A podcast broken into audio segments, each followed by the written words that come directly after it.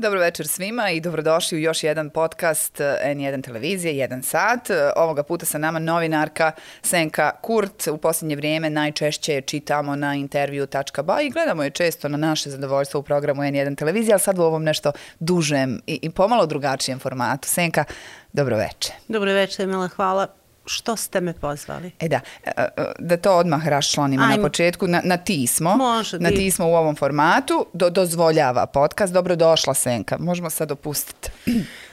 Najprije da ti pitam nešto. Bolje ali... te našla. Samo bliz mikrofona. Je li ti malo teško što je tvoj suprug Kugla mnogo prije tebe bio gost ovog podcasta i da li je to izazvalo ljubomoru u vašem braku i je li možda naš podcast bio razlog neke prepirke unutar, između nas. Misliš, unutar aha, obitelji Kurt. O, poštene obitelji Kurt. Dakle, jeste. Dakle, meni je bilo užasno krivo i zaista sam razmišljala da li da ti obećam da ću doći večeras pa da ne dođem, da patiš i da vidiš zapravo koliko je to vrsta bola. Da vidiš kako je to. Da vidiš kako je to. Međutim, kad sam krenula, Kugla je rekao sljedeće. Idi ti snimaj pa da vidimo ko će imati više pregleda na YouTube-u. Tako da, dragim gledateljicama i gledateljima odmah preporučujem da samo ovo gledaju po nekoliko puta dnevno, da nadmašim kuglu i da po cijeli dan nosim ovdje umjesto zastave, da ovdje nosim ljepku, bolja sam kod emele. Tako da je, bilo je raznih ništa problema. Nasilu, ništa nasilu. Naši gledatelji jednostavno gledaju ono što im se dopada, tako da evo imaš sat vremena ispred sebe, potrudi se. Kugla pa, je stvarno bio dobar.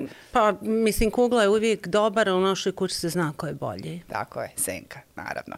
Senka, stvarno smo te čekali i dogovarali smo se ranije, ali evo, uspjeli smo nekako uskladiti termine i stvarno od srca dobro došla. Najavila sam te onako kako i treba da te najavim, novinarka, da. iako si imala raznih titula, bila si urednica uh, kroz svoju Mis karijeru. Mis plaže, 76. u pleku. ne, hvala Zar nisi bila druga pratilja? Tad u kleku? A, u Neumu sam poslije bila druga brata.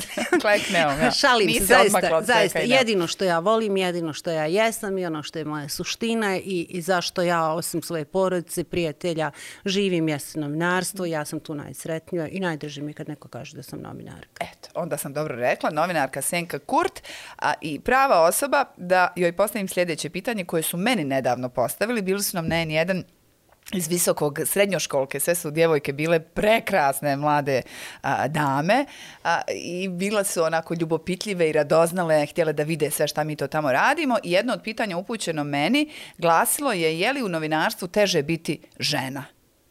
I ja sad evo ovo tebe pitam. Zapetljala sam se sama u odgovoru. Počela sam sa jeste... Hajde reci šta si ti odgovorila pa, pa da i ja isto moj... odgovorim. E, Pa šta misliš šta sam odgovorila? Ma je, u novinarstvu je, mislim... U životu je teže. Biti, da, u životu je teže stvarno biti žena i, i posljednjih dana, mislim, evo, u zadnjih desetak dana se intenzivno bavim tim. I sin kaže da nije znao da sam on je baš, citiram, rekao, tolika feministica. Dakle, radi se o tome, je, teže je biti žena u, u društvu, u svijetu, ne samo u Bosni i Hercegovini, na Balkanu, mislim, nigdje nije ovako biti žena. Međutim, u novinarstvu, mi se, pogotovo kad sam bila mađa, činilo mi se ponekad, izvinjavam se gledateljicama i gledateljima na, na izrazu, da sam svačija i ničija. I pogotovo ja sam vrlo rano postala urednica oslobođenja, dakle sa 35 godina. Dakle, u to vrijeme oslobođenje je još uvijek bilo najvažnija novina na bosansko-hercegovačkom tržištu. I nisam bila udata i nisam imala, tako se smatralo u sredini, neku mušku zaštitu iza sebe. I vrlo često mi se dešavalo zapravo da me doživljavaju samo kao ženu s kojim će se lako dogovarat, pregovarat, koju će lako prevert na, na izvjestan način, nadmudrit, nadigrat i tako dalje i tako dalje. I kad imate 35 godina, ponekad sam se osjećala stvarno kao glupavo dijete. Bilo je situacija u kome je bilo stid tuđeg stida. Bilo je situacija koje su bile užasno ponižavajuće za mene samo zato što sam žena na tom mjestu. Bilo je situacija iz kojih sam morala isplivat pa bi dolazila kući i vrlo iskreno i gorko plakala zato što sam doživljavala neku vrstu poniženja koje su dešavale u tom muškom svijetu. S druge strane, kad ste žena na nekom istaknutom mjestu ili ste neka polujavna ili javna osoba ili, ili se pojavljujete na televiziji, ne znam, pet puta godišnje, ljudi doživljavaju vas previše blisko pa su nekako e, e, vrlo slobodni da vam priđu na vrlo slobodan način. U to vrijeme nije bilo društvenih mreža, pa nisam doživljavala uvrede ovakve kakve danas doživljavam na, na, na društvenim mrežama. Međutim, pamtim nekoliko slučajeva gdje sam u nekim novinama u Sarajevu, dakle, bila na takav način oblačena. Dakle, i to se naravno uvijek, niko nije pitao je sam li ja pametna, pismena, sposobna za tu poziciju. Uglavnom se govorilo o tome koliko frajera ima, imam li među političarima neke, neke uticajne osobe koje stoje iza mene. Moram ispričati nešto što ja... Dakle, dakle oprosti, da. da, da prevedem, e, tvoj uspjeh ili tvoja pozicija pripisivala se nekoj muško-ženskoj relaciji, tako, ne, nekom muškarcu. Tako, tako je, to je u to vrijeme, pa i sad se to radi, znate. Moram ispričati nešto, dok sam bila urednica, došla je neka delegacija novinara iz Kine mislim, iz Narodne republike Kine, jel? I onda su među njima bile dvije, tri novinarke, slatke, simpatične i jedna me je pitala kako ste vi došli na ovu poziciju. I sad ja krenem pričat kako ima neki nadzorni, upravni odbor koji, e, e, koji sačinjavaju ljudi koji nisu samo ni novinari, nego su vlasnici i tako dalje i tako dalje.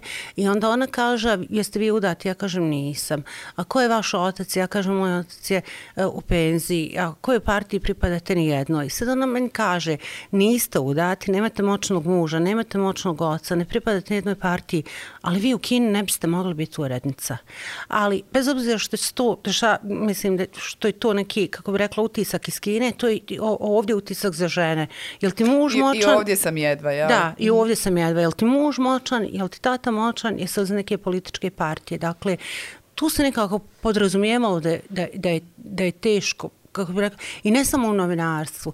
Novinarstvo je možda malo prejavan posao, mislim, bez obzira kojim novinarstvom se bavite, vi sjedite preko puta njega, pita da ga stvari koji ga inače ne pita ni žena, znate, gdje su pare, uh, jesi li uradio to, nisi li uradio to, zašto radiš to, zašto povlačiš te poteze, hoćeš li to uraditi, tako dalje.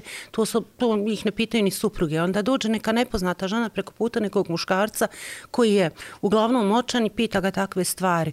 Dakle, nije lako uh, zapravo uh, staviti se u poziciju žene u novinarstvu. Onda nije lako biti ni sutkinja, ni, ni, ni tužteljica, ni pravnica, ni doktorca, ni učiteljica. Idemo dalje, idemo dalje. Šta, sad kad nas muškarci uh, uh, gledaju, ne svi, ali dobar dio njih, ja im evo ne zamjerim, da. hajde da, da razgovaramo, da, da pokušamo nekako dopriti jedni do drugih, vjerovatno razmišljaju, a šta je njima teže, one uvijek se žale da je njima teže. Čula sam dosta takvih promišljanja, ne mogu, ne mogu da, da, da razumiju da je ženama teže i onda će naći nekih milion argumenta zašto je njima teže i milion argumenta zašto je ženama lakše. Ja, ja sam, mislim, kako bih rekla, ne hodam ja kroz Sarajevo od, od ne znam, Čangić Vilije do Čarši i govorim meni je teško, meni je teško, meni je teško. Dakle, ja sam odgovaram na, na pitanja koje, koje im se postavljaju. Koji su da, i koji, i koji, i koji će ti, mnoge generacije, tu će ti postaviti pitanja i tvoja kćerka. Mislim. A misliš li ipak da se promijenilo? Ti si uh, u novinarstvo ušla uh, rekla si mi kad negdje... 86. 1986. Sredina 80. Ko bi rekao? Tako, tako mlada. Tako do, mlada. Kad se sa deset godina. Ma ne, mislim da. Ne, stvarno super držiš. Da. Ni, ni, ne komplementiram ti zato što I sam ti također. Hvala. da, možeš još malo nešto reći. A, šalu na stranu. Um, misliš li da se imalo situacija promijenila od tih 80-ih na ovamo? Jesmo, jesmo li gdje mrdnuli? Ma, mislim, situacija se stalno, mislim, to je kao, kao o, o, o, o, u staroj komunističkoj literaturi korak naprijed, dva koraka natrag. Ona se promijeni pa se vratimo. Dakle, nisam slučajno govorila o nekim proteklim danima i stvarno se sad ne bi vraćala na neke konkretne događaje koji su me zgrozili kad je u pitanju položaj ili uopće status žena, nego jednostavno mi mislimo da smo nešto napravile i onda se vratimo dva koraka unatrag. Pa onda se taj jedan korak unaprijed veliča, a zaborave se dva koraka. Je, puno smo napravile. Ja stvarno neću pričati o tome da mi imamo pravo na obrazovanje, na život i tako dalje. Stvarno, 21. stoljeće, stalno to ponavljam, ljudi lete na mjesec, ja trebam raspravljati o tome treba li nama prava ili uopće ženama i muškarcima i starijim i mlađim i osobama sa, sa zdravstvenim poteškoćama, LGBTQ populaciji. Uopće neću da to dovodim u pitanje. Ja samo hoću da kažem da se ovdje podrazumijeva da, da to što mi imamo neko pravo da, da nam ga je neko poklonio. Ma nije to tačno. Ovo nije pravo koje je meni poklonjeno. Ovo je pravo koje ja dobijam onog momenta kad sam se rodila u bolnici Košava. Ne razumijem uopće zbog čega a, iko i muškarac i žena, i bilo ko treba raspravljati o bilo čijem pravu. Ja pravo po, po ustavu dobijam po zakonu, dakle vrhovno zakon ove zemlje dobijam u onom momentu kad se rodim i tačno znam šta je moje pravo i šta su moje obaveze i šta smijem i šta ne smijem Dakle, rekla se jednom trenutku, neću da se vraćam, referiram na neke nemile događaje recentne, ali ja stvarno hoću da te pitam za komentar, pa evo, ako hoćeš, ajde, ako neć, nemoj. Za ovu posljednju situaciju sa, sa mega carem Rambom Amadeusom i producenticom na crnogorskoj televiziji, kako si ti to doživjela? Postoji mnogo oni koji su, nakon što se Rambo Amadeus oglasio, i zapravo potvrdio da, da je učinio što je učinio, stali na, na Rambovu stranu zbog toga, isključivo zbog toga, čini mi se kao da uopće nisu razmišljali o tome što je on napravio, nego isključivo zbog toga što je to Rambo. Može li nas bilo šta amnestirati od takve vrste ponašanja? Umjesto da se... Mene negdje iznenadilo, da, moram ti da, priznat. Umjesto ono, da se bičujem Ramba. sinoć, mm -hmm. ja sam odgledala ovaj dokumentarac, ono, Johnny Depp versus ova Amber, zaboravila sam Hart i tako dalje. I vidjela sam tamo kako je kako su stotine ljudi, sta, žena, žena, stajalo pred sudnicom a, kad bi se on pojavljivao da mu maknu i kažu Johnny, ja te volim i kako je cijela američka javnost bila na njegovoj strani i kako se zapravo na, na, na tu njegovu partnericu takve a, a, grozne stvari se pričale o njoj.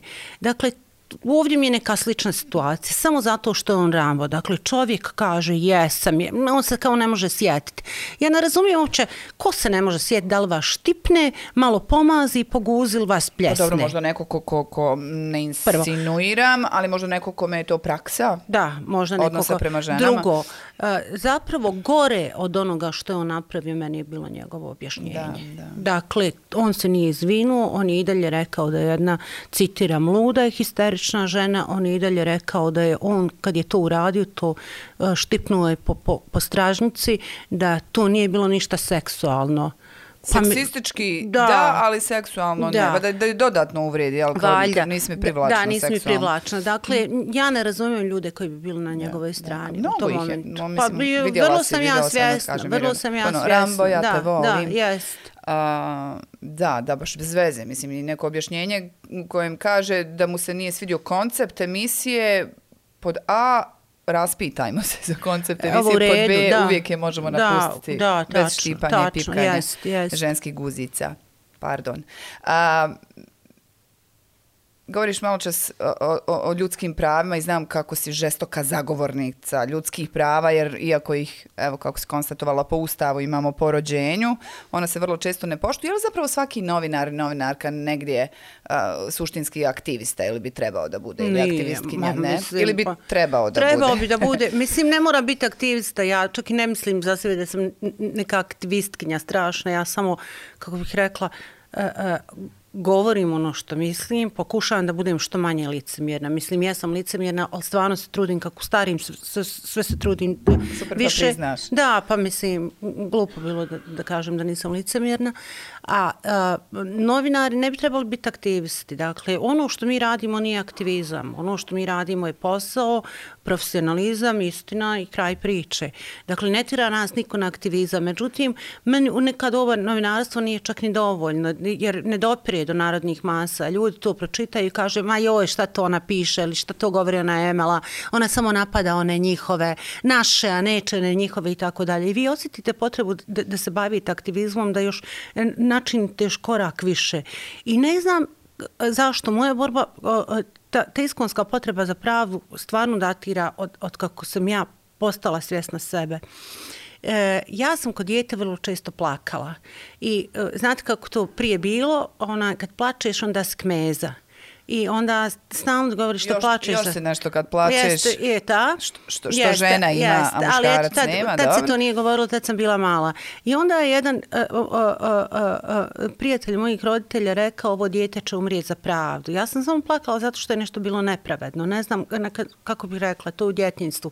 E onda sam malo porasla pa ne plačem, nego pišem, a onda su došli društvene, društvene mreže pa se oglašavam. Pa onda su došli prostvedi, pa su pa došli... Da, često si na, na protestima. A, da. Pa, mislim, nekako to mene veseli strašno. I protesti su mjesta na kojim ja srećem ljude koji bi ja stavila u svoju orahovu ljusku. Ali uvijek iste. Da, pa mislim, to ide, sjećam se prve ove povorke ponosa. Dakle, to je zaista bio jedan od najvažnijih dana u mom životu. Dakle, pored rođenja mog djeteta, ne znam, dana vjenčanja i tako da. To je bio jedan i još uvijek najvažniji dan u, u mom životu. Zbog toga ja sam išla, mi smo išli, dakle, od, od ispod vječne vatre do, do Marin dvora, ja sam preplakala taj cijeli put. Imaju i te fotografije, ja samo plačem, ja sam bila uzbuđena, sretna. I to u meni budi, dakle, a, a, strašno važne emocije da se neka vrsta pravde dešava na našim ulicama. Također smo plakali zajednički tog 14. februara kad je zapaljena zgrada kantona. Nisam mogla da izdržim tu silnu nepravdu, da smo tražili nešto bolje pa smo iz silnog vijesta zapali zgradu. To, to su stvari koje meni nekako... Dobro, ima to veze iz godinama, znate, da, da emocije malo onako osobama koje su o, um, ovakvog hajbtusa da emocije malo žešće nekako rastu. Neki bi zlobnici na društvenim mrezama također rekli da sam histerična i luda, kao što je Rambo rekao za ovu našu kolegicu producenticu. Međutim, kako bi rekla, nije to ništa, ni znak moje ludosti, ni znak moje histerije, to je samo znak da sam nemoćna da ispravim stvari koje bi u ovoj zemlji trebalo ispravljati. Da, histerična i luda. Ja. Um, ono što što vrlo često čujemo uh, sad po najviše u komentarima na društvenim mrežama i dok si govorila malo čas koliko ti je značilo to okupljanje uh, povorka ponosa prva, da. uh, prva u Sarajevu, već na pamet znam uh, kakvi će komentari uh, sad biti od pojedinih. Što bi rekli, a jest me i briga. Da, a, ali mi je to bio šlagvort. Da. Znam da te nije briga, nije ni mene briga, ali nas je briga što je zapravo u, u javnom prostoru, Drugi u tom briga. online prostoru. Da, toliko to govora mržnje. Ok, kritikovati potpuno pozdravljamo, ali je ispunjeno sve govora mržnje. Nedavno se desio ovaj pokušaj još uvijek se dešava, ne znam šta će na kraju s tim biti, izmjena krivičnog zakona u Republici Srpskoj po kojem bi kleveta i uvreda trebale ponovo ući u, u krivični zakon. Pod A, zanima me, plašiš li se toga? Ja da i, i konstantno razmišljam dok govorim šta ja to više neću moći reći jer se odnosi jel, na, na, na, bez obzira što je ovdje kaže, možemo se tužiti tamo u Republici Srpskoj. A pod B, a, negdje smo čini mi se svi kao novinarska zajednica saglasni da taj a, javni prostor treba a, unaprijediti, da ga treba očistiti od govora mržnje, da treba podići nivo medijske pismenosti. A, kako? Kako to napraviti? Pa, dva su bitna pitanja. Ne plašim se više. Dakle, e, e, nije mi drago, zabrinuta sam, što bi rekao Insko. Ovaj, Insko, izražavam zabrinutost, ali ne plašim se. Ja se od um, novembra 95. kad je potpisan Dejtonski sporazum, više nikog i ničega ne bojim. Dakle, nikoga na, ko hoda zemljom i ko može donijeti neki zakon, uh, u pert, da me zbrda gađa, isključi vodu i struju, ja se više nikog ne bojim. Dakle, preživjela, vidjela, vidjela da znam da preživim i evo me, 2023. ovdje. Na sreću s tobom. Dakle, ne bojim se, do tog će zakon na ovaj na, ili onaj način doći. Dakle, um, Milorad Dodik što na, na, naumi to uradi i tu ja nemam nikakvu, kako rekla, iluziju. E, ne bojim se više da neću ni govoriti. Pa preživjeli smo razne dodike. Ovog, kako bi rekla, ovaj traje dodik i ova faza dodikove vlasti traje, ali ljudi, sve ima neki rok trajanja. Ovo, mislim, zakon će se doći pa, pa će se možda jednom promijeniti. Grozno mi je da razmišljam uopće o tome št, kako ćemo svaku riječ vagati. Istovremeno, Gledala sam tvoj razgovor sa gospodinom Togeltijom i a, ovaj, ne znam, možda sam te i, i napisala, sam u jednom momentu rekla, ja ne znam kako ovo ML izdrži, jer jednostavno, dakle, činjenica u kojoj nas uvjerava da će taj zakon jednako važiti i za mene, i za tebe, i za nekog političara iz Republike Srpske ili Federacije ili iz bilo kojeg nivoa, naprosto nije tačno. Dakle, ovdje postoje dva različita svijeta, mi i oni. U ovom svijetu smo mi na koji se sve zakoni odnose i na dru, druga strana tog svijeta su oni na koji se ne odnosi ni jedan zakon. Dakle, zabranuta sam zbog toga što ćemo morat vagat, ali će se neke stvari možda u, u tom javnom prostoru očistiti. Dakle, ne odnosi se ovaj zakon i to stalno insistiram samo na nas dvije, na novinarsku zajednicu, na medije. On se odnosi na građane. Na oni koji tebi uh, u inbox svaki dan šalju užasne poruke na one koji uh, mene vrijeđaju zbog imena mog djeteta, na one koji će poslije ovog podcasta meni poslati poruku zato što, što sam plakala uh, na prvoj povorci pravde. Odnosi se ponosa. na sve, da, pa, da, ponosa, dakle, pravde, da, pravde i ponosa. Hoće Evo, jezik da, pravo, hoće ja. jezik pravo. Dakle, to će se odnositi na sve pa ćemo očistiti malo medijski prostor. Drago mi je da, je pit, da me pitaš oko me medijske pismenosti, ona je nekako u fokusu uh, uh, mog interesovanja, kakva fraza, u zadnje dvije godine. Ono je sad moje polje ekspertize. Da, Najviše volim tu ekspertize. Da, da, pokušavam zapravo da, da kroz svoj posao, koji imam taj primarni novinarski koji obožavam, da, da s mlađim generacijama radim tu medijsku pismenost. Zapravo da im objasnim zašto je važno biti medijski pismen. Prva stvar kad uđem među, ne znam, 50 učenika i učenica, radim to s djecom od od eh, šestog do devetog razreda i mi smo u fondaciji Infohouse napravili zapravo cijelu strategiju tog rada s djecom. I ja prva stvar koju ja kad uđem među njih, a bude tu prekrasnih susreta, kažem šta je najskuplja stvar koju mi imamo. I naravno ide zdravlje, sreća, ljubav, sve što su dječji odgovori očekivani od šestog do devetog razreda. Onda ja kažem je, to je sve važno, ali sve to ništa ne znači bez slobode. Sloboda je najvažnija stvar koju ja imam. I izvinjavam se oni koji, onima koji nas u ovom momentu gledaju, a nešto su malo bolesni ili ne daj Bože malo više. Džaba, svo zdravlje na svijetu ako ste zdravi u zatvoru zdra, džaba svo zdravlje na svijetu ako ne smijete izaći svoje kuće jer će vas neko ubit, ponizit, udarit e, zbog e, toga kako se zovete, kako izgledate, e, kakva vam je boja kože kojeg ste seksualnog, vjerskog, religijskog, bilo kojeg opredjeljenja. A ova medijska pismenost je zapravo način da mi budemo slobodni ljudi da razmišljamo, da posmatramo medije kritički, da posmatramo javnost kritički, da ne prihvatamo kad, kad pročitamo u nekoj mediju da je danas, ne znam, kraj ljeta, da ne uvučemo odmah šorc i, i, i, i topić i japanke i izađemo vani, nego da prvo pogledamo kroz prozor i uvjerimo se da pada kiša ili snijeg. Dakle, pokušavamo tim sitnim malim mišim koracima ko u kišobranu. Sjećate se nege kišobrana, pa onda ide mišim koracima, pa sjećaš se te igrice? Ma kako se nasjećaš? Ono je koje brečke, bertude, pa Sam nešto. Malo, ja, malo ti mlađa, si malo mlađa, malo, jeste? Malo. Malo. A brečka bertude se sjeća. Da, pa nešto kišobrana je bila ta igra, pa ideš mišim koracima da stigne do cilja, pa si mogao konjskim koracima, pa skačeš da stigneš. E, mi idemo tim mišim koracima da, da probamo među djecu uvesti način da kritički razmišljaju, da kritički posmatraju medije. A šta su danas glavni mediji? Društvene mreže, nažalost. Da, da. nažalost, da. Instagram, TikTok, Facebook, Mm, YouTube. našoj genera da, YouTube, našoj generaciji Twitter, gdje sam ja zatrovana, no to mi najdraža društvena mreža, ali ne mogu To stvarno... mi vi kažeš da ti je Twitter najdraža društvena mreža, a Twitter je stvarno najbrutalniji. Pa zato što, što je bilo to pravilo da, da u 140 karaktera, dakle 140 slova i onih spejsova, moraš reći sve što ti je na duši. E, i sad ovi pišu Ja, milion traktate ima, tweetova, jest. traktati ali, opet Ali je meni to bilo izazovno. Meni je to bilo izazovno. Ja koja volim dugo da pričam i, i, i ovaj, volim uh, uh, da pišem podugačke tekstove, onda mi je to bilo izazovno. I onda me to uvijek podsjećalo na tu najbolju Hemingwayovu priču na svijetu i stalno govorim da je to nešto što, što je genijalnost. Tu priču koja ima nekoliko riječi, kad Hemingway kaže prodaju se dječje cipelce, tačka, nenošene. Pa kako to čovjek zna, ja ne mogu napisati jedan tweet od 140 karaktera. I je, mislim, čini mi se da je nekako najzatrovaniji taj Twitter.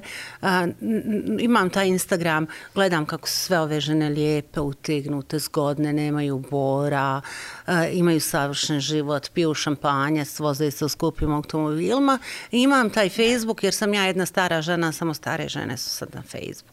Da, i ja sam s tobom isto na Facebooku. Da, tamo nema, da. tamo nema ove omladine. Da. da. svaka ima neke svoje razloge zašto, da. zašto tamo biti. Međutim, tebe društvene mreže nisu odvojile od knjige. Mnoge a, od nas jesu, nažalost. Znaš kako sam ja sebe sad uhvatila da a, još uvijek mogu samo gledati serije na Netflixu, a, jer čitanje ništa, znači u zadnje vrijeme, ovo grozno mi je ovo što javno govorim, baš se teško natiram, jer kao dogledam seriju, mogu scrollati mobitel paralelno. Aha, znači, dakle, onda ne mogu da se odvojim od mobitela. gledaš seriju, niti nit pa, znaš, mogu zaustaviti, pa mogu da, malo aha, vratiti da. to. A film je već, to je sad neko ozbiljnije gradivo za paralelno scroll, scrollat mobitel, a knjigu znači nikako. I naravno, šta će pametan insan izabrat, nego bac knjigu i nastav scrollat Trebalo je da se desi ova emisija da mi to Da, sjećaš se koliko smo čitale i razmjenjivale knjige? Pa ja još uvijek čitam, a ti još uvijek kako čitaš? bi rekla, ponosna ja. Pa ne znam, stvarno, ne mogu to sebi objasniti. Ja sam to upravo je priznala obsesija. ljudima da, da nisam dugo čitala. Da, ja, ovo izrežemo. Da, nemoj rezat, rekli smo da ćemo biti što manje licemjerni. Ja ne znam, to je valjda jedina obsesija koju ja imam i koja je konstantna. I ono, dakle, nekako ne mogu zamisliti svoj život bez knjiga. Ne mogu, ne mogu, ne ja mogu. Svaki dan čitaš? Svaki dan čitam. Ja legnem negdje između dva i pola, tri, svaki dan čitam. Do 12 sati se gledaju te serije, Dobro. filmovi, ne znam šta. A kad scrollaš? Isto, pa scrollam isto. Ono, Do 12? Isto, ne, isto dok gledam te serije i filmove. Uglavnom, rijetko ubodem neku seriju i, i ovaj, e, e, što se tiče filmova, sad smo u fazi da gledamo reprize filmova koje smo kugle ja nekad gledali.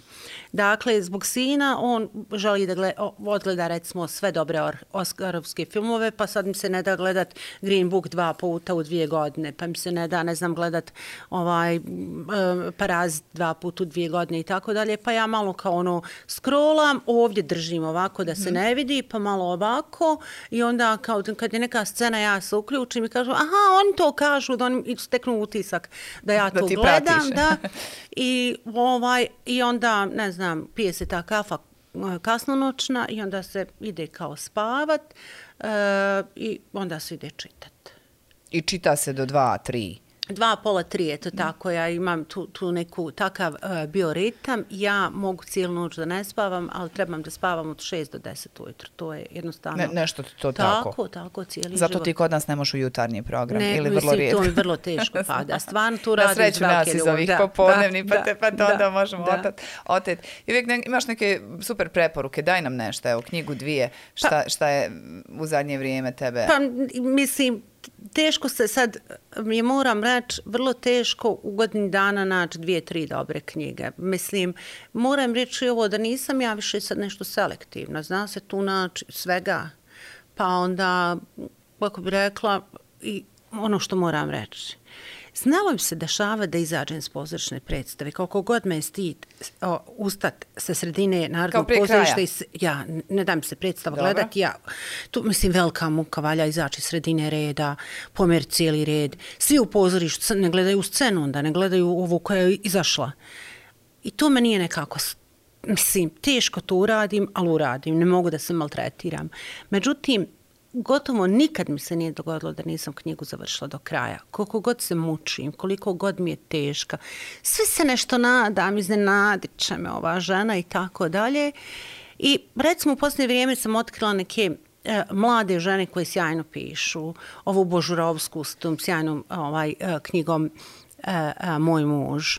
Pa onda ovu Lanu Bastašić e, e, e, e, sa Zecom pa onda ovu Ivanu Šojat, pa pa Tanju Mravak koja me ubila. Ne znam nekako, ali stvarno nisam pirala da to budu žene. Nek su mene dolazile pod ruku i onda su neke prijateljice s kojim dijelim također strast, a to nisi ti prema knjizi. Pa dijelili smo. Čekaj, Dijelili ja govorim u smo. posljednjih, ne pa znam, zašto par više ne mjeseci. čitaš? Pa ne, to nešto mi je ovo scrollanje Eto, se. prebacit Vratit ću ću ti par knjiga, Vratit ovaj, pa, pa vrati se, molim te. Vrati Da, da tražiš uvijek i dalje da se vraćaju knjige. Ima knjiga od tvojih Pa kod mene koje- ne, vraćam, pa ne, mislim, kako bi rekla, prvo, Gdje bi više sve ne, stalo? da, gdje bi to stvarno sve stalo, onda mi je jedna prijateljica ovaj, eh, rekla da ja u spavoni imam tu neku biblioteku za koju kažem da je moj miraz stvarno i ono, mislim, neće sinu baš puno ostati od mame.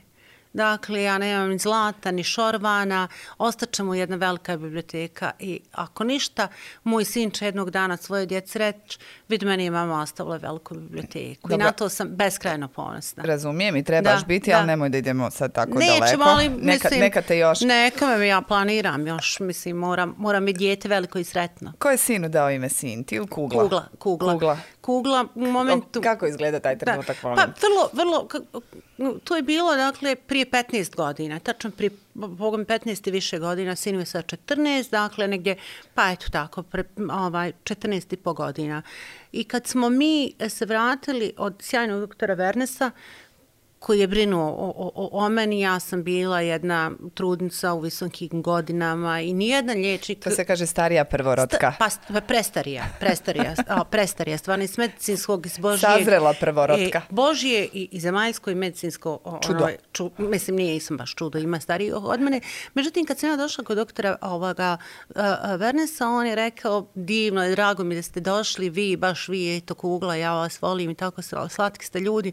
A što mi duže ste u ovim godinama? Mislim, bolje, pa mislim, svaki doktor više voli da ima pred sobom neku mladu ženu 25 godina koja će brinuti nego ženu. Pa dobro, ali Da. doktori ne birim. Ja sam uvijek, izvini što te prekidam, nerviralo me ono, znaš, kad ideš na redovne preglede, pa ti kažu ono, što više ne rađate, što više ne rađate. Pa, pa nije to isključivo Nije on to stvar mene, nego je on više, odluke. ono, uglavnom, uh, ja sam imala 42 godine kad sam rodila sina, nije to ništa strašno. Danas vidim... može i preko, Ma može, da, mislim, i i rađaju žene Hrabrimo puno, puno. žene Ma da, pa da rađaju žene, mislim, i, i, i, da ne kažem starije, nego u, u većim godinama. I ja sam nekako bila ubijeđena da, da će to biti curica. Kako me sad pitate, zašto ne znam? Eto, jednostavno sam, ja sebe vidjela kao, kao mamu ženskog djeteta. I kad je doktor rekao da je to dječak, a, danas teška srca priznajem da sam ja nekako malo koju... Zaigralo srce, jel? Nije, moram reći, ja sam rekla, joj, molim vas, ne, on je rekao, A. "O, senka, draga, pa vi imate 42 godine, pa dajte, pa sretna, pa, pa zdravo dijete i tako dalje. I ja sam se, taj, a šta, ja sam zapravo smisla nekih ženskih imena puno, nisam ja baš imala muško ime. I onda smo došli kući i onda je Kugler rekao, eto, haj ti daj ime. I onda sam ja krenula redat vrlo neinventivno. Onako, nek, znala sam samo da želimo neko kratko ime nekako, ne znam zašto. Danas bi recimo dala djetetu ime Leonard, tu neko dugo, jako, ne znam R, koje. da ima Ma, R. eto nešto. Ali u tom momentu mi je kao Čuj, bilo Leonard. bitno da je, pa evo, kao sad sam se sjetila, sjetila nekog jakog Mhm. muškog dugog imena. I onda sam ja ono Jan, Mak, Leo, Kai, Kijan, e, Val, ne znam više, samo s tri slova i Kugla je sve to odbijao, odbijao i odbijao. Ja sam rekla, haj ti sad reci, šta me odbijaš? Kaže on sin. I ja sam u tom momentu znala da je to. Mislim, dakle, ja samo razmislila kako... Ha, nekako sam uvijek mislila, sin je 2009. godište, već smo ušli bili u 21. stoljeće 9 godina, on je djete 21. stoljeća, putovaće po svijetu, živit će jedan dan u Evropi, drugi dan u Americi, treći dan u Australiji, imaće prijatelje po cijelom svijetu, tako sam nekako zmišljala svijet 2009.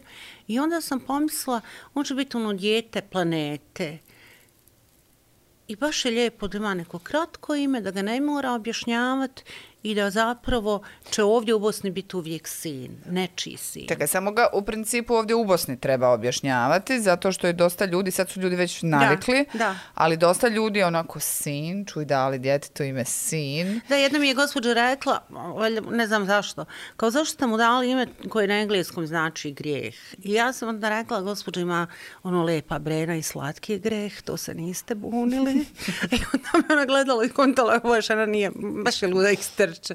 Ali mislim, ljudi, ljudi uvijek kad pomisle na grijeh, pomisle na nešto loše. A ima stvarno, mislim, i ti znaš. Grijehova. Ma kako da ne, mislim. Ne znam ja, što ja znam. Pa mislila sam izvini, da znaš za neki slatki grijeh, izvini, molim Gdje baš mene nađe? Eto, ne znam, nešto mi došlo. To je sigurno u, u vašoj kući, pošto si privatno, ma, i, i, zaiskrito i na televiziji, mislim da ljudi to prepoznaju, jako duhovita, stvarno je, smije, smiješna se kako ja mi to Ja ne mislim stvarno da jesam. Dobro, hajde sad ti kao stvarno nešto skromna. Stvarno ne mislim, evo, evo jesi, prihvati kompliment. Dobro, jesam, evo duhovita I kugla je beskrajno, dakle, Za duhovit. njega mislim da jeste. I mislim da je to negdje u vašoj kući ono mrtva trka a, ko, je, ko je duhoviti da otprilike dan izgleda, Google ima tako nevjerovatan brz mozak, ne možeš da vjeruješ kojom brzinom uspije da se referira na nešto nekom sjajnom kreacijom.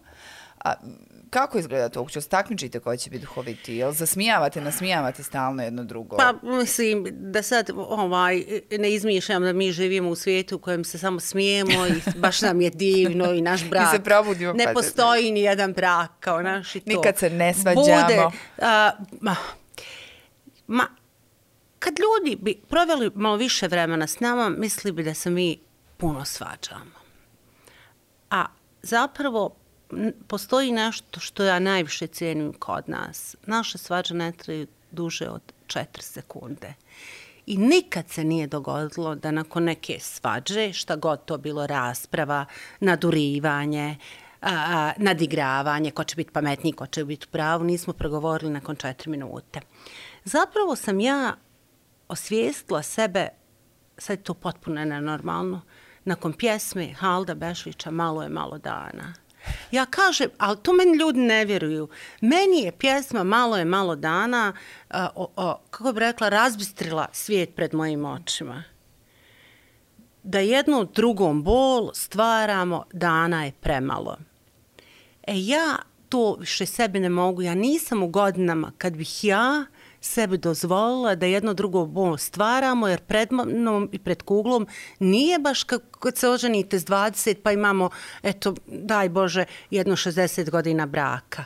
Ja vodim mrtvu trku za svaki dan za nas. Ja, ja trčim da, da, da osvojimo vrijeme i sad bi još trebalo da ne pričamo i da se svađamo i tako dalje. Dakle, bude ponekad smiješno i bude ovaj e, dana kad, kad smo svi jako nasmijani, ali stvarno zahvaljujući kugli. Ima on to nešto što ja mislim da je talenat koji ima još nekoliko ljudi koje ja poznajem. Naprimjer, Senad Avdić ima taj talenat da zna se dobro igrati riječima. Da zna napraviti istvistat neki, neku riječ da postane a, smiješna, pametna, inteligentna, a da daju i novo značenje. Tako ja to... brzo, znaš, ne treba mu puno vremena. Pa ja mislim da duhoviti ljudi a, a, a, moraju biti inteligentni ljudi. Ne postoji ovaj a, duhoviti čovjek, kao što mislim da nema komičara koji nije inteligentan. E, da nema stand-up komičara. Vi morate, mislim, dobro na tržištu za sva što pojavljuje. Da, da, ima, ima, ali oni ali, da, ali stvarno morate, a, a, kako bi rekla, a, duhovitu traži duh, traži to nešto iznutra mislim za kuglu sam potpuno sigurna ona ovaj da ja sam mislim zapravo Eh, sad kad pričamo o kugli ovaj ja sam zapravo samo mislila da ja nikad neću imati partnera koji je pametniji od mene i kad kad sam našla kuglu koji je pametniji od mene ja sam shvatila da je to taj završena priča. Ja to stalno govorim ja nemam kompleksa tu. Čovjek je pametniji od mene inteligentniji od mene.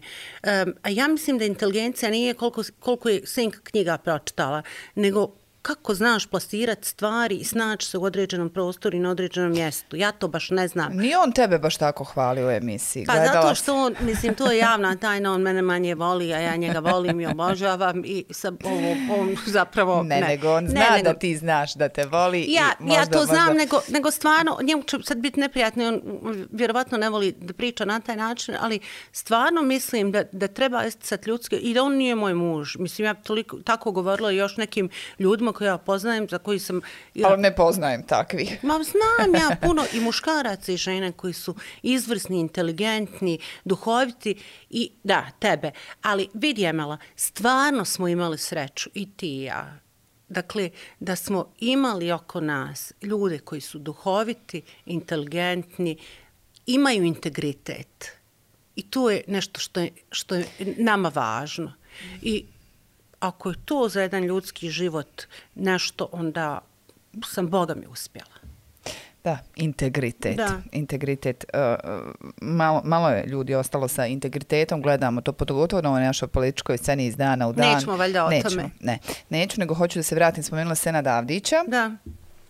Tako, tako bih htjela iz ovenga a, da dođe, da razgovaramo, a, ma, mada malo imam bojazan pritom pripomisli na razgovor sa Senadom Avdićem, a, a obećava kad, kad Da. se kockice sve poklope da će doći, ali meni uh, uh, šlagvort da te pitam ko su zapravo za tebe ono istinski dojeni novinarstva u Bosni i Hercegovini? Evo, ne, ne moraju biti živući. Dakle, ja ću to do kraja svog života ponavljati. Sinoć sam srela njegovu čerku i svaki put kad vidim Amru Bakšić. Čamo, ja bih plakala. Dakle, Hamza Bakšić je, e, i tu sam imala sreću, stvarno da sam učila od najboljih. Dakle, Hamza Bakšić, dakle, Kemal Kurspahić, Gordana Knežević, Emir Habul, dakle, Ja kad sam ušla u oslobođenje 86. godine, mi smo bili gore na prvom spratu, a na prizemlju bio desk te jedne velike novine koja u to vrijeme ima tiraž od 90-ak, ne znam, za cijelu Jugoslaviju, vjerovatno nekoliko miliona tiraž, za danas nezamisliv. I tu radi, ne znam, 300, 400, 500 novinara. Od tih 300, 400, 500, možda je stotinjak nas malih jadnih, a ostalo su velike novinarične. Stvarno. I onda meni jedan dan kažu, hajde siđe na desk da odnesiš neki papir, sve je to išlo pješke i tako. I na desku, da Mehmet Halilović, to ne smijem zaboraviti također. I na desku sjede ti veliki umovi, taj, to, taj, ali zaista kad kažem trust mozgova, to je trust mozgova novinarstva.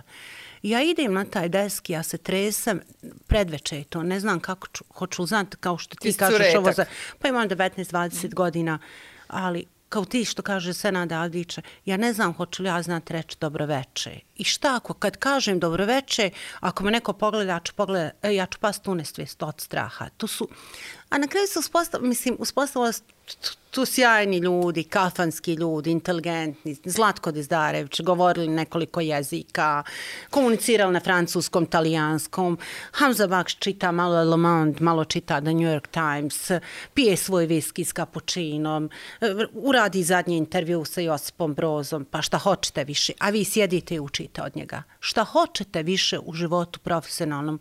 Gordana Knežević koja govori neki malajski, hej, malajski govori usred Sarajeva. Pa mislim, razumijete, Habul koji je znao od, od, od ničega, od, od nikakvog materijala za novinara napraviti pristojnog novinara. Zlatko Dizdarević, s kojim je i danas meni malo frka, ja sam sa Zlatkom na ti, ali, znaš, kad mi Zlatko nešto kaže Izrael, Palestina, ja sam mislim, znam li na karti gdje se Ja, to nalazi. pa plašim se kad Zlatko dođe u se, emisiju, da. pa sam da. manja od makovog Tako zrna. da, da jednostavno imala sam stvarno, kako bih rekla, veliku sreću. Da, da učiš od, I, od takvih. a mislim, I ne samo učiti, znate, oni su imali neke folove koji su bili prekrasni. Bila je neka kafana u Dobrinji. Čekaj, ružit ćeš me što, Da. što ti nisam rekla. O, ovamo ti je ta, e tu, Aha, tu, tu, te- tamo jedna šiškica, pa je tamo. E, pazi, to, be- ako mi šiške nisu dobro poredane, odmah izgubim E, dobro, inteligenciju e, svoju. dobro, znaš. vidim nekako Bila je si- neka kafana, neka, u nekoj, kako bih rekla, montažnoj kući, zgradi Čemuli u Dobrinji, a redakcija Oslobođenja je bila u Neđačima, nije bilo mobilnih telefona. I onda već je pokasno, mi smo dežurne mlađe na desku i onda nečija supruga nazove u 10 sati da pita je, hoće li je muž kući, odnosno da ona njega nešto pita. I onda bi vozač išao tamo do kafane, njega vadio iz kafane, on bi se onda javljao na telefon jer je bio u štampari i Kobejage. To su sjajni lekovi ljudi bili. To je, u oslobođenju je bio taj neki kožni restoran, su bile kožne fotelje, pa se zvao kožni. Wow, ko je tu se ono... Vi uđete gore u kožni, vrlo modern, tako, ta nova zgrada. Ovdje sjedi Čola, ovdje sjedi, ne znam, Gora Milč, ovdje sjedi neki profesor filozofije. Mislim, nešto što sam ja, na moju nesreću, tad sam bila stvarno mlada i nisam bila uopće svjesna svijeta u kojem se ja nalazim. Ali to nekako ne želim za starim vremenima, nego se zahvaljujem nekoj sudbini što, što sam imala priliku da. upoznat neke od da, tih ljudi. Da, sad slušam i, moram ti reći da mi je ono malo neka ljubomora. Pa dobro, imaš ti priliku da sjedi sa mnom, mislim, to ti pa kako isto. Šalim se. I bolje.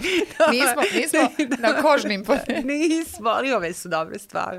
Ali Senad Avdić je da. također. Pa, uh, Senadom opet imam jednu, kako bih rekla, druženje neko je pričao, čini se u tvojoj emisiji ili, u ne, ili sam negdje gledala, dakle, postojala je ta neka kafana koja se nalazi vrlo blizu nas, um, napravljena u, u, u, u, mi smo je zvali Džehenem. Džehenem znači pakao, jel? I ona je napravljena u jednom smetljarniku, jednoj od nebodera vrlo blizu nas. To je kafana koja je vjerovatno velika ako nečije kupatilo, otprilike moje, tvoje, nikakvo luksno veliko kupatilo.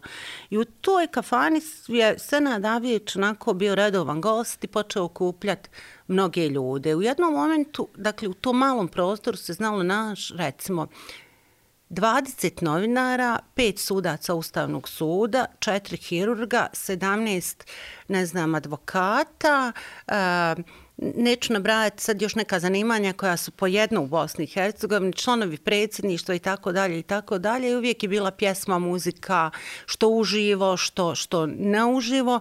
I ja sam stvarno nekih dvije, tri godine svog života uh, svoje noći provodila u toj kafani. Uh, i fotoreportera, i stranih novinara, i stranih diplomata i svega je tu bilo u toj kafani. I moram reći da sam izbliza također gledala tu jednu neku njihovu srednju generaciju. Dakle, ovi su bili stariji, ne znam, e, Zlatko, Kemal, Hamza i tako dalje. Oni su bili neka srednja generacija koje sam ja upoznala još u oslobođenju. Oni su uh, bili u danima, pa smo se mi njima debuli. E, oni su radili u danima. To je bila malo alternativa za to doba. I onda smo bili mi mlađa generacija. Imala sam priliku da ih izbliza gledam i stvarno to je jedna također nevjerovatna ekipa koja je užasno bila duhovita, užasno vesela, e, pa, spremna na, na, na stvari koje se danas o, o, opisale onako kao malo i, i preopasne, ali bilo onako vrlo zanimljivo. I niko ili malo ko zna onako riječ složiti kao senad. Niko, da. niko, niko. Da. Uh, ratno novinarstvo ili novinarstvo u ratu je jedna posebna dimenzija. S jedne strane užas i sve negativno što sam rat sa sobom nosi i, i novinarstvo u ratu, a s druge strane veliko je to iskustvo profesionalno, sasvim sigurno. A, tad si, nisi tad, tad si bila u oslobođenju, ali nisi, -hmm. nisi još bila urednica oslobođenja a, ali već se nekako etablirala i taj rat je donio sigurno neke nevjerovatne stvari. A, susrete sigurno sa, sa brojnim... Mogla sam proći bez tog iskustva, bilo bi jako Dobro. lijepo. Međutim, je, to je bilo posebno iskustvo. Pa, ja sam u ratu uletla kao prilično mlada, anonimna novinarka. A, mogla bih reći da sam na izvestan način ratna profiterka, da sam iz rata izašla već koji etablirana novinarka i već, već ne, na neki način neko me i priznavao i znao za mene i tako dalje. Puno je susreta bilo, puno stvari koje, koje kad s ove distance gledam, ali stvarno, ja se često pitam, sam ja to sanja, ali to stvarno dogodilo. Pa kad prepričavam nekako, stalno imam, kod da je već Dodik donio ovaj zakon, ja stalno imam neku kočnicu, koju je li moguće da se to meni dešavalo. Neku večer sam ispričala jednu strašno simpatičnu stvar, uh, um, kćerke Alije Izetbegovića. Bili smo zajedno na jednom događaju um, i uh, podsjetila sam je na nešto. Došao je mađarski ambasador da preda akreditive u, u Sarajevo. I treba, uh, gospodin Izetbegović izašao, to pričam kao nešto, kao, kao anegdoticu. Koja je to, neka to, 90? Pa 92. treća, mm -hmm. ne znam već kad su predaje akreditivi, prije će biti 92. I ja sam u rat ušla, imam jedne naučale Fendijeve, dakle imam 20 godina, one su ro, a, a, a, a, roze sa zelenim ružicama onako malo sam ekscentrična, pa roze sa zelenim ružicama. I mi ulazimo u onaj svečani salon i tako dalje, mi novinar sa strane, tako, tako to ulazi taj mađarski ambasador, ulazi pri, m, gospodin Izetbegović i kaže, ja nemam naočale, zaboravio kući mali kod vecu ja imam dvicu i ja dajem, i ne, žao mi je sve, sam mislila da ću za arhiva oslobođenja uzeti u sliku kako predsjednik a, a, Bosne i Hercegovine uzima kreditive, ne, slika je crno-bijela pa se ne bi vidjeli te ružice, ali eto tako jedan moment ko, koji se sjetim.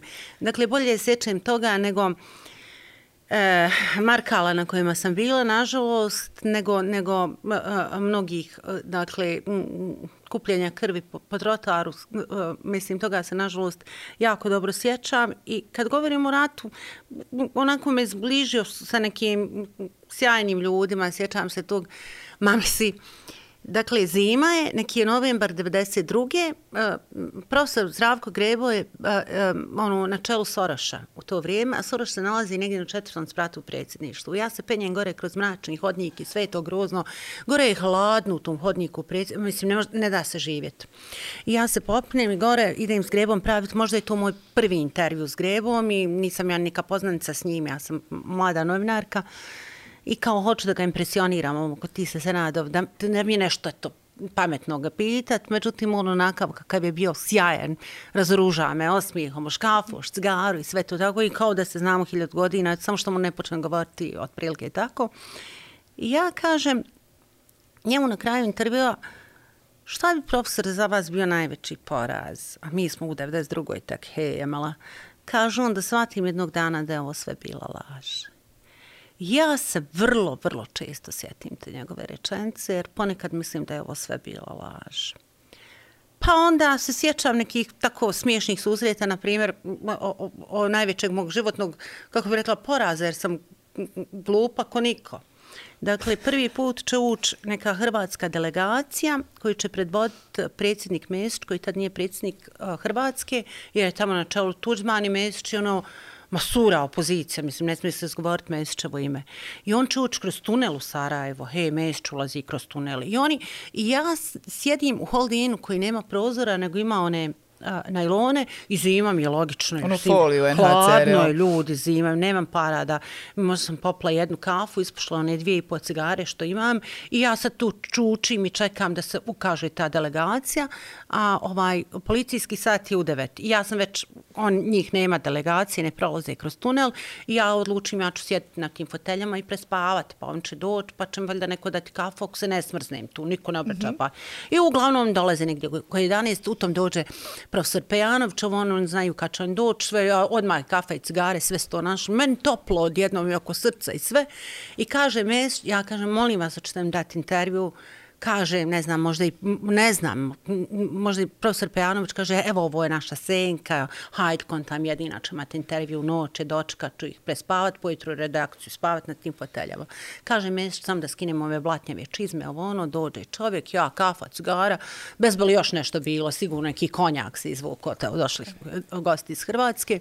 Dođe mjesec, sve, on, saču ja samo da ovoj mladoj gospođi sve zanemari, sjednemo mi, ispričamo se sve, ja, hvala, još tam, možda jednu kafu, taj konjak i nešto, i legnem spavat u holdinu, ujutru se probudim, nema policijskog, idem u redakciju, oslobođenja redakcije, u to vrijeme e, u arhitektu, u, preko puta Markala. Dođem, sretna, imam intervju, svi ja, bravo, ja za diktafon, nikad nisam ključila diktafon.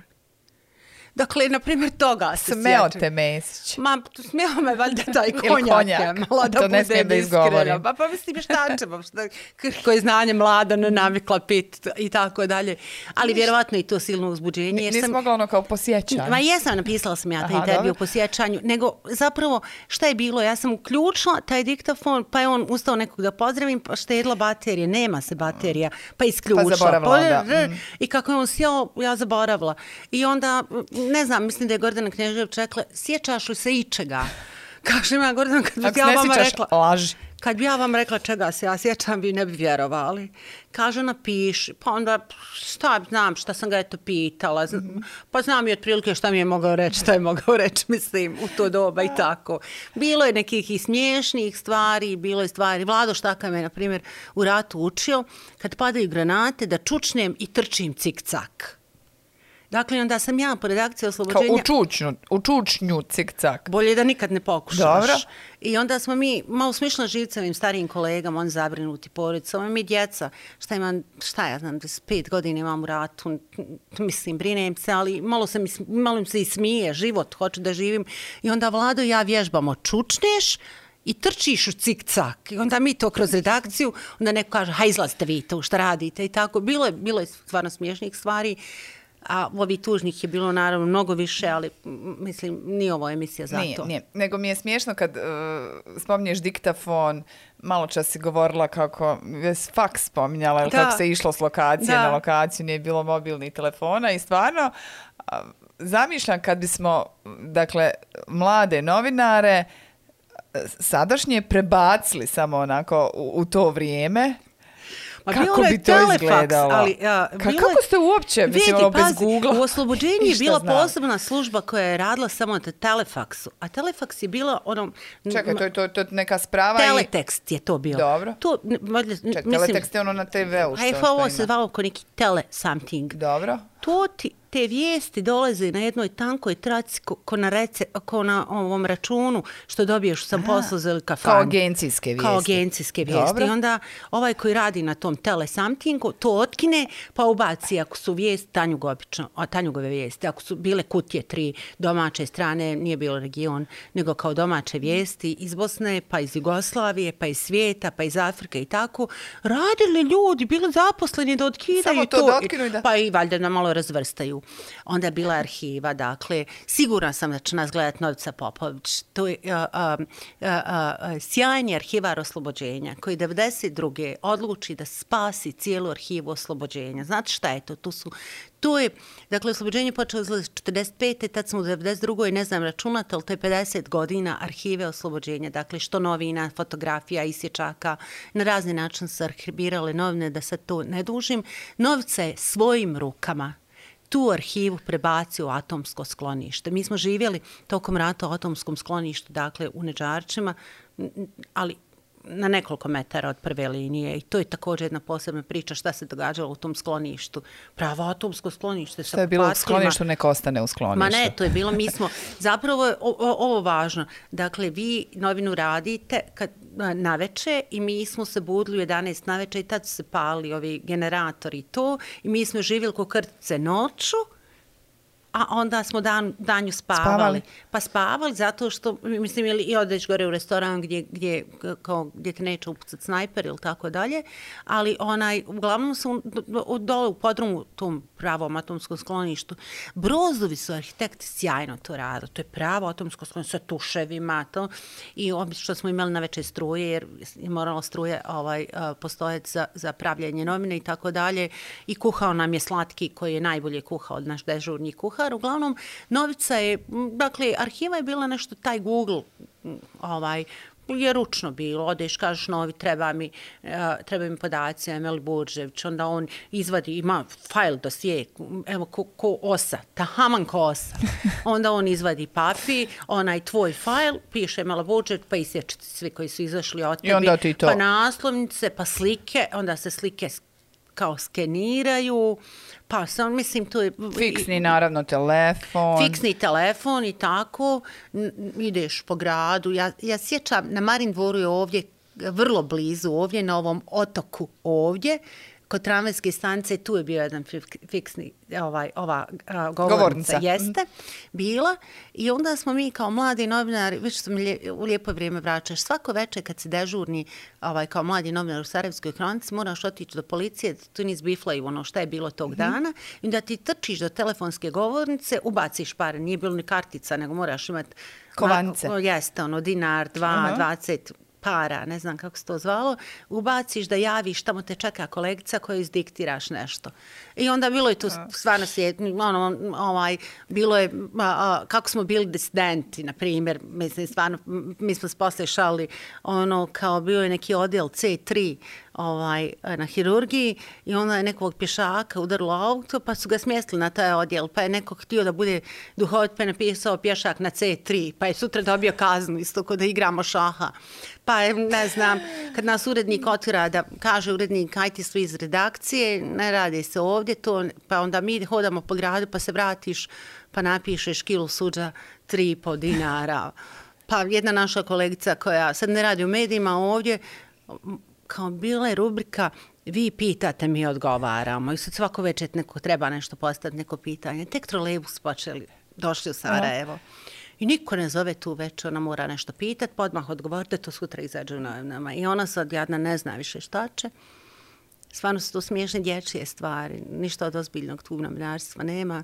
I kaže, ona pita čitateljka s otoke, zašto trolejbus kad skreće na ono skretalište govori tru tru, a iz grasa odgovaraju.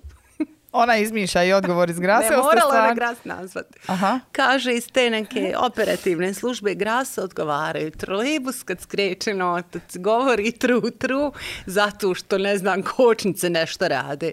Pa je ujutru bilo problema oko toga. Dakle, to su male neke stvari, sitne dječje, početci nekog novinarstva, ali eto, mislim, slatko. Poslije su došle neke ozbiljnije stvari zbog koje su malo bilo ribanja kod urednika, ali nikad ništa strašno a onda si ti bila urednica.